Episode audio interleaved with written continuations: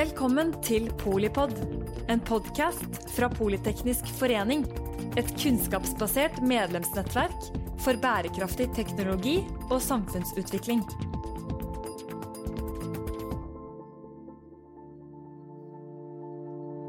Velkommen til denne episoden av Polipod som handler om Europa og hva som skjer med karbonfangst og -lagring der, eller skal vi si her. Til å hjelpe oss med å forstå bedre det lendet, så har vi med oss energiråden ved Norges delegasjon til EU, Ragnar Semensen.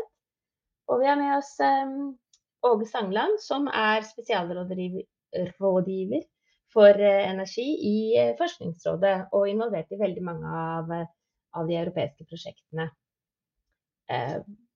Aller først, hvorfor blir det noe av denne klimateknologien, Ragnar?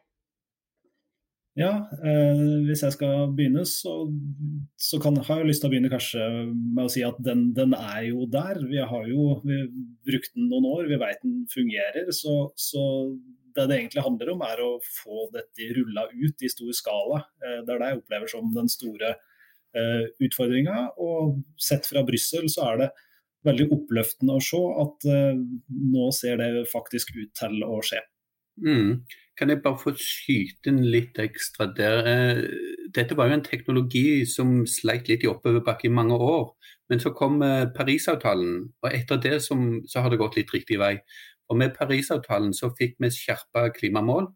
Eh, før Paris så skulle vi redusere CO2-utslippene. Etter Paris så skal vi eliminere alle utslipp innen 2050. Og for å komme så langt som at vi ikke har noen CO2-utslipp, så kommer vi ikke i mål uten å ta i bruk denne teknologien. Nei, og når vi må, så må vi, er det det, det dere sier? Ja, eh, det, det, er riktig det, Mette. Eh, men når målene er som de er, og politikere og folk flest verden over begynner å innse at dette med klima er noe vi må ta på alvor, så gjelder det å finne de løsningene som tar oss enklest og billigst helt frem til målet. Og De store løsningene på klimautfordringen det er jo selvfølgelig fornybar energi, det er energieffektivisering, eh, reduksjon av forbruk. Eh, men for å få kutta alle utslipp, så trenger vi i tillegg denne teknologien med karbonfangst og -lagring òg. Hvis jeg kan følge opp litt på det, eh, Åge, så har jeg lyst til å si at sånn fra, fra Brussel så, så, har det vært altså helt, helt konkret. Eh, vi har jobba tett energi, eh, på energisida eh, mellom Norge og, og, EU i mange år. Eh, og vi følte vel Det er jo som du sier, det, det har jo vært litt oppoverbakke en periode. Hvis vi går noen ord tilbake, så var det store ambisjoner for CCS i, i EU. Han hadde et mål om å etablere store demonstrasjonsprosjekter som egentlig skulle stått der i dag. Og så skjedde jo ikke det. Og jeg opplever at det har vært med på å forklare hvorfor det har tatt litt tid for EU å komme ordentlig i siget denne gangen òg, eh, hvis vi kan si det på den måten. Sånn at, eh, men nå føler jeg at det begynner å, å gli, og et helt konkret eksempel på det så vi her tidligere i høst. Eh, I midten av oktober så lanserte EU-kommisjonen det de kaller et CCUS-forum. Det viktige ved et sånt forum er jo ikke forum i seg sjøl, kanskje, men hva han bruker det til. Og vi, vi, så da at både visepresidenten i kommisjonen, Frans Timmermans, og energikommissæren Kadri Simson var veldig tydelige i eh, behovet for å få på plass eh, CCS, karbonfangst og -lagring. Men de prater da om bruk, så karbonfangst, bruk og lagring er det de er, er opptatt av. Men, eh, men, da var det veldig interessant å eh, registrere eh, argumentasjonen Timmermans pekte jo på da helt konkret at utgangspunktet for CCUS er et helt annet i dag enn for ti år siden. Og han peker akkurat som, som du egentlig på at det er helt nødvendig. Energikommissæren lista opp flere argumenter for at denne gangen så er, så er, det gode muligheter for å lykkes. Altså For det første så har EU vedtatt en klimalov som juridisk binder unionen til klimanøytralitet i 2050. Um, CCS er helt nødvendig for å avkarbonisere stål- og sementproduksjon. Eh, og, og, det er òg helt nødvendig for å kunne skalere opp produksjonen produksjon av blått hydrogen. Energikommissæren hun påpekte videre at rammeverket fra EU sin side er på plass. Du har en høy kvotepris, det hjelper. Og hun understreka òg at nå er det stor aktivitet på medlemslandsnivå. Mm. Det er veldig gode poeng, Ragnar. Og En av grunnene til at det kanskje lar seg bedre realisere nå enn før, det er at industrien er mye mer på banen enn før. Og Det henger jo sammen med kvoteprisen for CO2. Eh, altså, så, sånn som markedene er, er bygd opp, det er jo at du må betale en avgift hvis du slipper ut CO2. For å slippe den avgiften, så kan du f.eks. Eh, investere i teknologi som karbonfangst og -lagring. Lenge så har denne kvoteprisen vært så lav at industrien har foretrukket å ta den avgiften framfor å investere i teknologien. Men nå ser vi at eh, den prisen for å slippe ut CO2 er på vei opp. Alle forventer at den skal enda mer opp.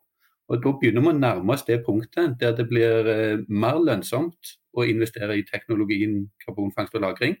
Og Når det skjer, så vil dette rulle av seg selv. Mm. Og, og I påvente av det, så, så er det jo også Eh, veldig klart at han har brukt EU-midler helt konkret for å eh, si, korrigere den, den eh, markedsfeilen. At du har liksom, Dette er jo ikke kommersielt eh, i, i, dag, og, og, mange har jo trodd at det vil ta lang tid før det er det. Med den kvoteprisen som vi ser nå, så kan dette gå raskere enn vi, enn vi tror. og I tillegg så har da EU brukt store midler nå i høst uh, gjennom Innovasjonsfondet Eh, for å realisere en del eh, konkrete prosjekter. Og jeg tenker i hvert fall eh, Fra mitt ståsted så er det på en måte det vi trenger nå. Vi trenger å få realisert og bygd.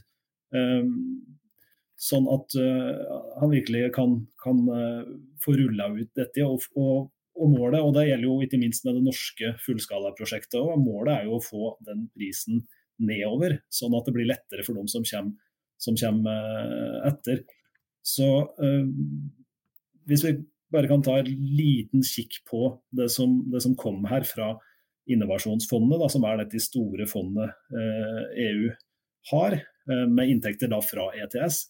det er klart, i norsk debatt så var jo veldig mye av fokuset på at Fortum Oslo Varme ikke fikk tildelt midler i den runden nå i høst.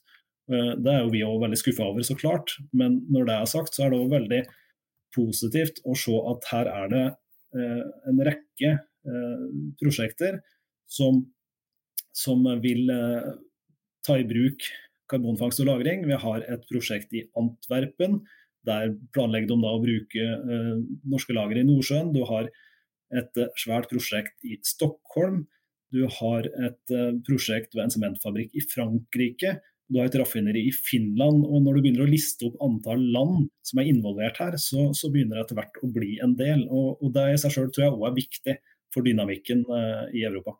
Absolutt, jeg er helt enig. Og Når Norge nå har gitt eh, mye offentlige midler til dette Langskip-prosjektet, der det skal fanges og lagres CO2 i stor skala, så, så vil jo det òg være et signal til resten av Europa at eh, Norge er i gang. Og så er det veldig viktig å få til de gode ringvirkningene. At vi kobler på andre prosjekter fra utlandet til den infrastrukturen vi bygger i Norge. Og Her nevner du mange interessante prosjekter som nå har nådd gjennom, gjennom EU sitt innovasjonsfond. Der er det vel delt ut en milliard euro nå til, til nye, gode prosjekt. Og, og, og, som du er inne på, Fortum Oslo Varme med Klemetsrud-anlegget. Der er det jo planer for å fange CO2 i stor skala. De nådde ikke gjennom denne gang, men uh, vi krysser fingrene og heier på Klemetsrud. Så kommer det jo nye muligheter i Innovasjonsfondet, så vi, vi håper at det prosjektet på Klemetsrud òg lar seg realisere på en eller annen måte. Hvordan har dere samarbeidet og, eh, med forskningsmiljøene og innovasjonsaktørene eh, på tvers i Europa?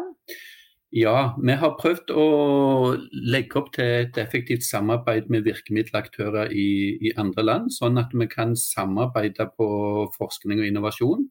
Det har vi klart. Eh, vi har nå en plattform som Forskningsrådet leder, der det er 16 land og regioner, de fleste fra Europa, men òg USA, Canada og India. Der eh, setter vi opp eh, felles utlysning av midler til forskning, utvikling og pilotering. Og gjennom en femårsperiode så har vi nå delt ut eh, nærmere en milliard kroner. Alt dette går jo euro, nærmere 100 millioner euro. Og Det har gitt oss mange gode forskningsprosjekt som gir oss gode resultater. Det, det fører til at vi får mer kostnadseffektiv teknologi. Vi vet mer om hvordan vi skal lagre CO2 trygt. Og Når vi nå har med mange forskjellige land, så betyr jo det at vi får spredt kunnskapen på, på alle land. Eh, dette blir kunnskap som hele Europa kan ta del i. Og Dette blir jo viktig kunnskap når vi nå prøver å motivere industrien til å ta forskningen over i en industriell skala og få dette opp på mer industrielt nivå. Så, så jeg føler at forskningen den er på riktig spor. Men så blir det jo en utfordring når dette skal bygges i stor skala, så, så koster det litt penger. Og fram til markedet virkelig kommer, så er det behov for offentlig finansiering i en startfase. Eh, det er der utfordringen er, men vi er på god vei. Jeg har jo en strålende fortid i solenergi, så jeg, jeg kan jo legge til at det, det, var ikke gjort over natta eh, det heller, fra, fra innovasjons eh, støttet av eh, myndighetene i starten, til det som nå er et stort og selvgående verdensmarked. Så det er vel, Men tålmodighet er en dyd, selvfølgelig, og, og, kanskje spesielt når det er en såpass stor og viktig og avgjørende teknologi som vi alle trenger, men som, som må starte et sted. Hva, Altså, det er jo lett å tenke seg at man starter med eh, å fange um, karbondioksid fra avgasser, for det er der problemet er. Men så har jeg skjønt at det vrir seg egentlig mer i retning av å starte med å kunne lagre. At det er det som er eh, avgjørende for å få i gang verdikjeden og markedene. Ja, det, det, henger veldig sammen dette her. Du skal både fange CO2, du skal transportere den til et sikkert lagringssted, og så skal du ha dette lagringsstedet klart. Og, og alt dette må spille på lag. Det er få industrielle aktører som er villige til å fange CO2-en sin, hvis det ikke finnes en lagerløsning. Og så er det veldig få som har lyst til å utvikle en lagerløsning, hvis de ikke ser at det er noen som kommer og leverer CO2 til det lageret. Så her er det viktig å legge til rette for at uh, alle aktørene fra fangst til transport og lagring kan spille sammen. Og det, Der vil dette Langskip-prosjektet, altså det norske fullskalaprosjektet, ha en veldig viktig rolle. For her er jo alle disse leddene bakt inn i ett prosjekt. Og jeg regner med dette prosjektet blir en suksess, og da får vi demonstrert at eh, alt dette klarer faktisk å spille på lag. Og akkurat det du sier der, eh, hvis jeg kan følge opp på det, tror jeg er en, en, vesentlig sak. Og det gjør det jo ekstra artig, må jeg si, da, å få lov til å representere norske energimyndigheter i Brussel akkurat nå. For nå har vi tatt investeringsbeslutninga investeringsbeslutninger på, på Langskip fra å planlegge og prate om uh, denne teknologien. Nå, nå bygger vi. Uh, vi er tidlig ute. Vi får etablert et norsk, uh, norsk lager. Det har gjort noe med hele dynamikken. Det har gjort noe med interessen for Eh, denne eh, løsninga, eh, ikke minst når det gjelder på, på selskapsnivå i hele Europa. Og det, og det sier seg jo egentlig sjøl. altså, å fange altså min veldig altså jeg, jeg er ikke noen ingeniør, det skal jeg ærlig innrømme, så jeg har en veldig sånn overfladisk forståelse av dette. Men jeg skjønner jo såpass da at hvis du at det å fange CO2 det er jo ikke så vanskelig. Jeg har sjøl vært inne og sett på sånn Eh, nettsider eh, for norske leverandører som sier at ja, jo, men et sånt eh, CO2-fangstanlegg det kan du bare bestille her.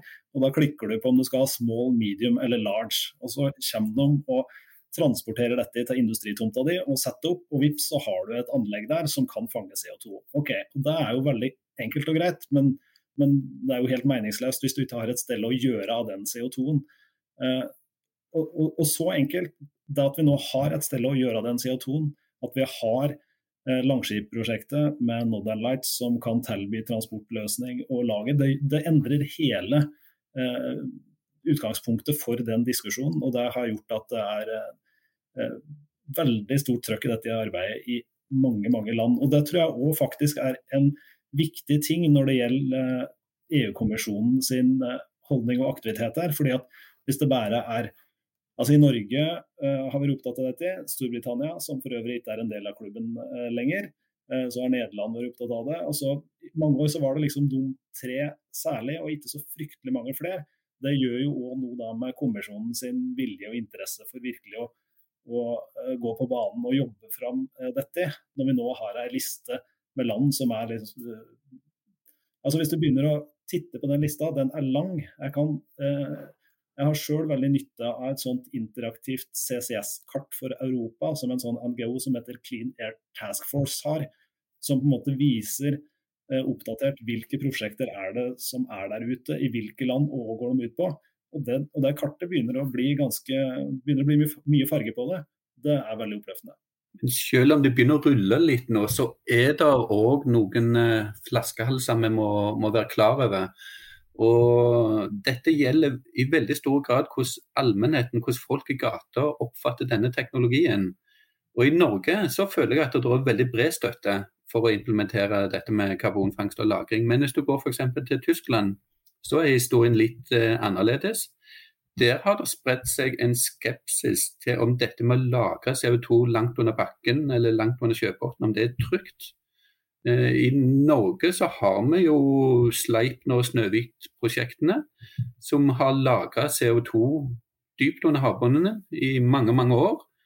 Eh, prosjektene har blitt godt overvåka, og alt tyder på at CO2 forblir lagra trygt der det skal være. Så vi, vi, har den tekniske dokumentasjonen på at dette fungerer og er trygt. Men når, når eh, veldig mange i Tyskland allikevel er skeptisk, så viser dette at vi, vi, har en jobb å gjøre når det gjelder kommunikasjon. Vi må nå fram til, til mannen i gata med saklig og korrekt informasjon. Og Det, det er egentlig ganske litt, litt, interessant å se på Tyskland òg. Under Berlin så har de et enormt stort lager av naturgass. Det syns de er helt trygt. Men med en gang det blir snakk om CO2, så syns de det høres farlig ut. Og CO2 er tross alt helt ufarlig i forhold til naturgass. Så det, det, det er viktig å nå ut med god kommunikasjon. Så det, Der tror jeg vi må sette en støte fremover. Mm, og, og, da kan jeg ikke dy meg med og Jeg er bare nødt til å følge opp akkurat, akkurat den, for, for, det er jo et helt åpenbar eh, problemstilling, som jo er en viktig del av min eh, stillingsinstruks her nede, sånn jeg oppfatter den. Og rett og slett forklare hva gjør vi, eh, hvorfor tror vi at dette er trygt. og og hvordan kan vi dokumentere det. Og, det, og, det, og der har vi en veldig god uh, historie å, å, å berette. Um, men, men, men, vi er nødt til å gjøre det, for, for dette her er helt åpenbart en uh, altså Hvis folk ikke tror på at dette er trygt, at CO2-en vil bli der, hvis det skapes usikkerhet rundt det, så, så er det klart at det påvirker Eh, de politiske diskusjonene rundt det, og i hvilken grad han ønsker å gå for det som, som eh, løsning. Um, og, da, og, da, tenker jeg rett og slett at vi må være uh, Vi må komme med nøktern, saklig, ordentlig informasjon om hva vi har gjort, uh, og, og hvordan vi kan vise at dette, dette fungerer. Men, men, jeg tror det er, dette, er, dette, er, et vesentlig punkt, altså.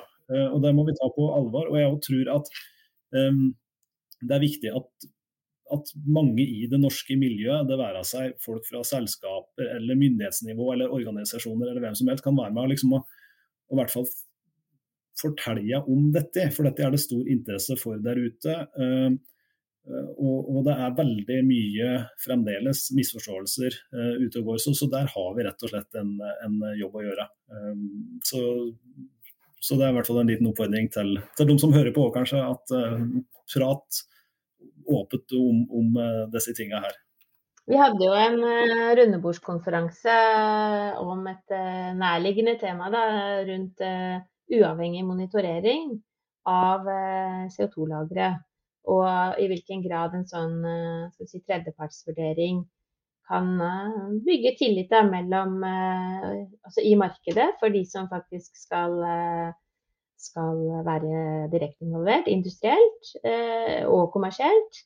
Men også i forhold til befolkning. Og nå er kanskje ikke det et problem på norsk sokkel, men, eh, men, men for at den teknologien skal, skal ta av eh, i, som, som, vi på en måte trenger den i, i forhold til både Paris og Glasgow. Uh, uavhengig monitorering uh, er jo noe vi er kjent med fra norsk sokkel på andre områder, og vi er kjent med det fra norsk shipping. Er det, hvordan, hvordan ser europeerne både på myndighets- og forskningssiden konkret på, på det konseptet? da? Det er et uh, tema som er veldig viktig. Når vi skal lagre store mengder CO2 under bakken eller under havbunnen, så må vi òg kunne dokumentere at dette foregår trygt, og at det forblir lagra. Og Da trenger vi et uavhengig organ som kan uh, dokumentere nettopp dette, at det, det er trygt.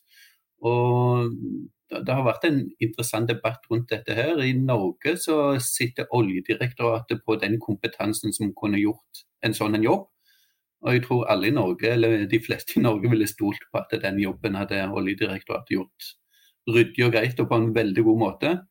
Men hvis du går ned til Tyskland og forespeiler en sånn løsning, så steiler de med en gang, for de mener at Oljedirektoratet med sin forgreining til, til, petroleumsindustrien ikke ville vært habil til å ta en sånn rolle.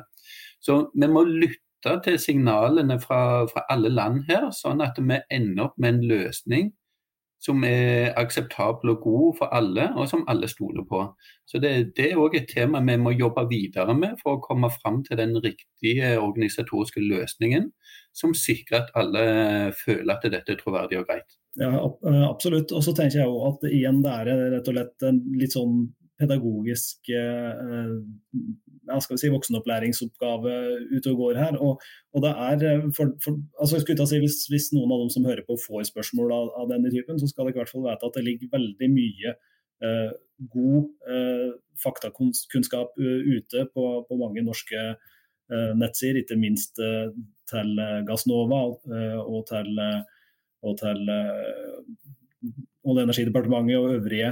Så, så, så, vi prøver å gjøre den jobben. Uh, og så tenker jeg også at det er rett og slett litt sånn konseptuelt. da. Uh, altså Vi i Norge har en stor olje- og gassektor. Mange jobber i den sektoren. Det er stor tillit til det som foregår i, i stort. Så, og jeg tror òg at veldig mange har en mer forhold til hva er dette for slags aktivitet enn en, en del uh, europeere har, for å si det litt enkelt.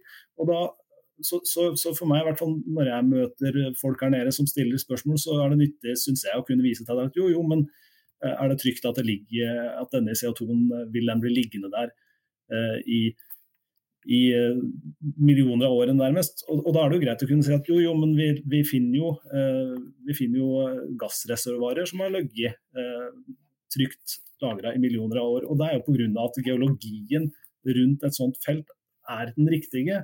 På samme måte så finnes det jo naturlige ansamlinger av CO2 eh, under jorda flere steder i verden eh, der CO2-en er blitt lagra på tilsvarende måte. Og Det er faktisk ikke vanskeligere enn det. Og, og det tror jeg er, eh, i hvert fall for enkelte, så er det en sånn liten aha-opplevelse.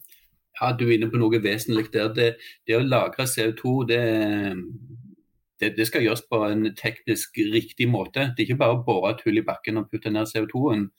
Eh, du skal først og fremst ha en geologisk bergart som har porevolum, altså åpne porer der du kan putte inn denne CO2-en. Og på toppen av det reservoaret så må du ha en eh, bergart som er tett, sånn at det ikke lekker ut igjen. Og når du lar geologene gjøre gode vurderinger og velge ut de beste lagrene, så vil dette fungere greit. Så vi, vi må få formidla til, til, folk flest at dette det ligger en, en, solid vitenskapelig vurdering til grunn før du velger ut et lager.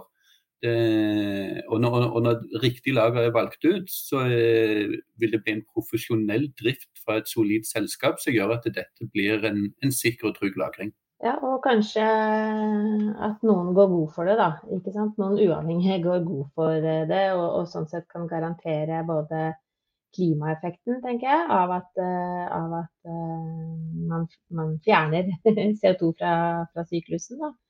Og, og, tryggheten og sikkerheten. Det er riktig det du sier der, Mette. Og Forskningsrådet og Gassnova har jo nå i en årrekke støtta forskning på nettopp dette med å utvikle teknologi som kan dokumentere at CO2 forblir lagra. Eh, så teknologien er der, men nå gjelder det å få det organisatoriske på plass på toppen av dette her, sånn at dette blir en løsning som folk vil ha troverdighet og tillit til. Og jeg må si, som jeg for så vidt har vært inne på tidligere, at jeg er relativt optimistisk i den situasjonen vi er i nå, og sånn jeg ser diskusjonen her nede. For hvis vi klarer å etablere eh, det som vi prater om nå, altså en, en forståelse av at dette er, dette er eh, en teknologi som, som, er nødvendig og den fungerer, så tror jeg egentlig at eh, altså med de høye ambisjoner som EU og mange EU-land nå har på klimaområdet, med ambisjoner for utslippskutt, så, så er det i hvert fall for meg ganske klart at du er, du er, i en situasjon der du er nødt til å ta i bruk absolutt alle verktøyene du har i verktøykassa. Du kan ikke bare velge et par av dem. Og dette er et stort og effektivt verktøy.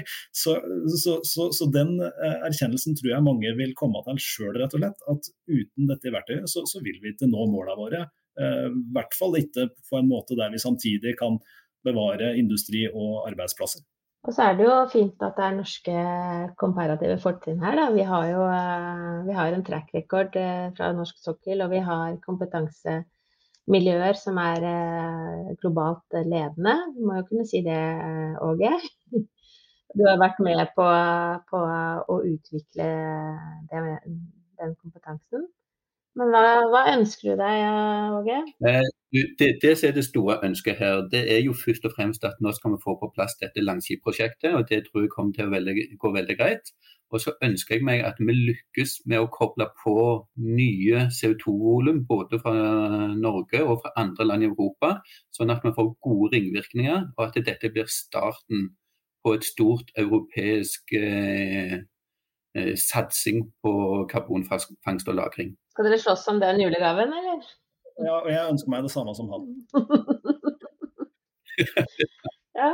Men eh, da skal jeg være nissemor, jeg, da. Og så prøve å, å i hvert fall fortelle eh, de, som, eh, de, som, har en finger med i spillet, eh, om at dette både er mulig og, og, ikke minst ønskelig. Kanskje til og med nødvendig. Tusen eh, hjertelig takk, eh, Ragnar Semmenseth, som er Norges energiråd ved ved EU-delegasjonen vår i Brussel. Ja, tusen takk for eh, at jeg fikk eh, delta. Og så håper jeg så klart at eh, mange har lyst til å reise til Brussel det kommende året og spre det gode budskapet om hva vi gjør på karbonfangst og -lagring i Norge. Tusen takk til deg, Åge Stangeland, som er spesialrådgiver for energi i Forskningsrådet. Jo, tusen takk for at jeg fikk være med. Dette var veldig interessant. og Jeg håper lytterne har hatt interesse av dette. Og ikke minst tusen takk til deg som lytter til eh, denne episoden. Kanskje har du eh, fått både litt eh, inspirasjon og i hvert fall innsikt om hvor Europa går når det gjelder karbonfangst og -lagring i aller nærmeste fremtid. Jeg er Mette Vågnes Eriksen, generalsekretær her i Politeknisk forening. På gjenhør. Takk for at du lyttet til Polipod fra Politeknisk forening. Få med deg flere episoder, eller bli med på nettverksmøtene som du finner på at polyteknisk.